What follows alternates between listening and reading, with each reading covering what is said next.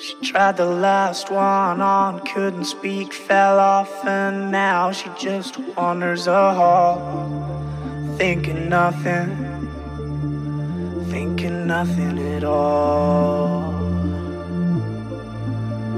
Once there was a man who had a little too much time on his hand and never stopped to think that he was getting older.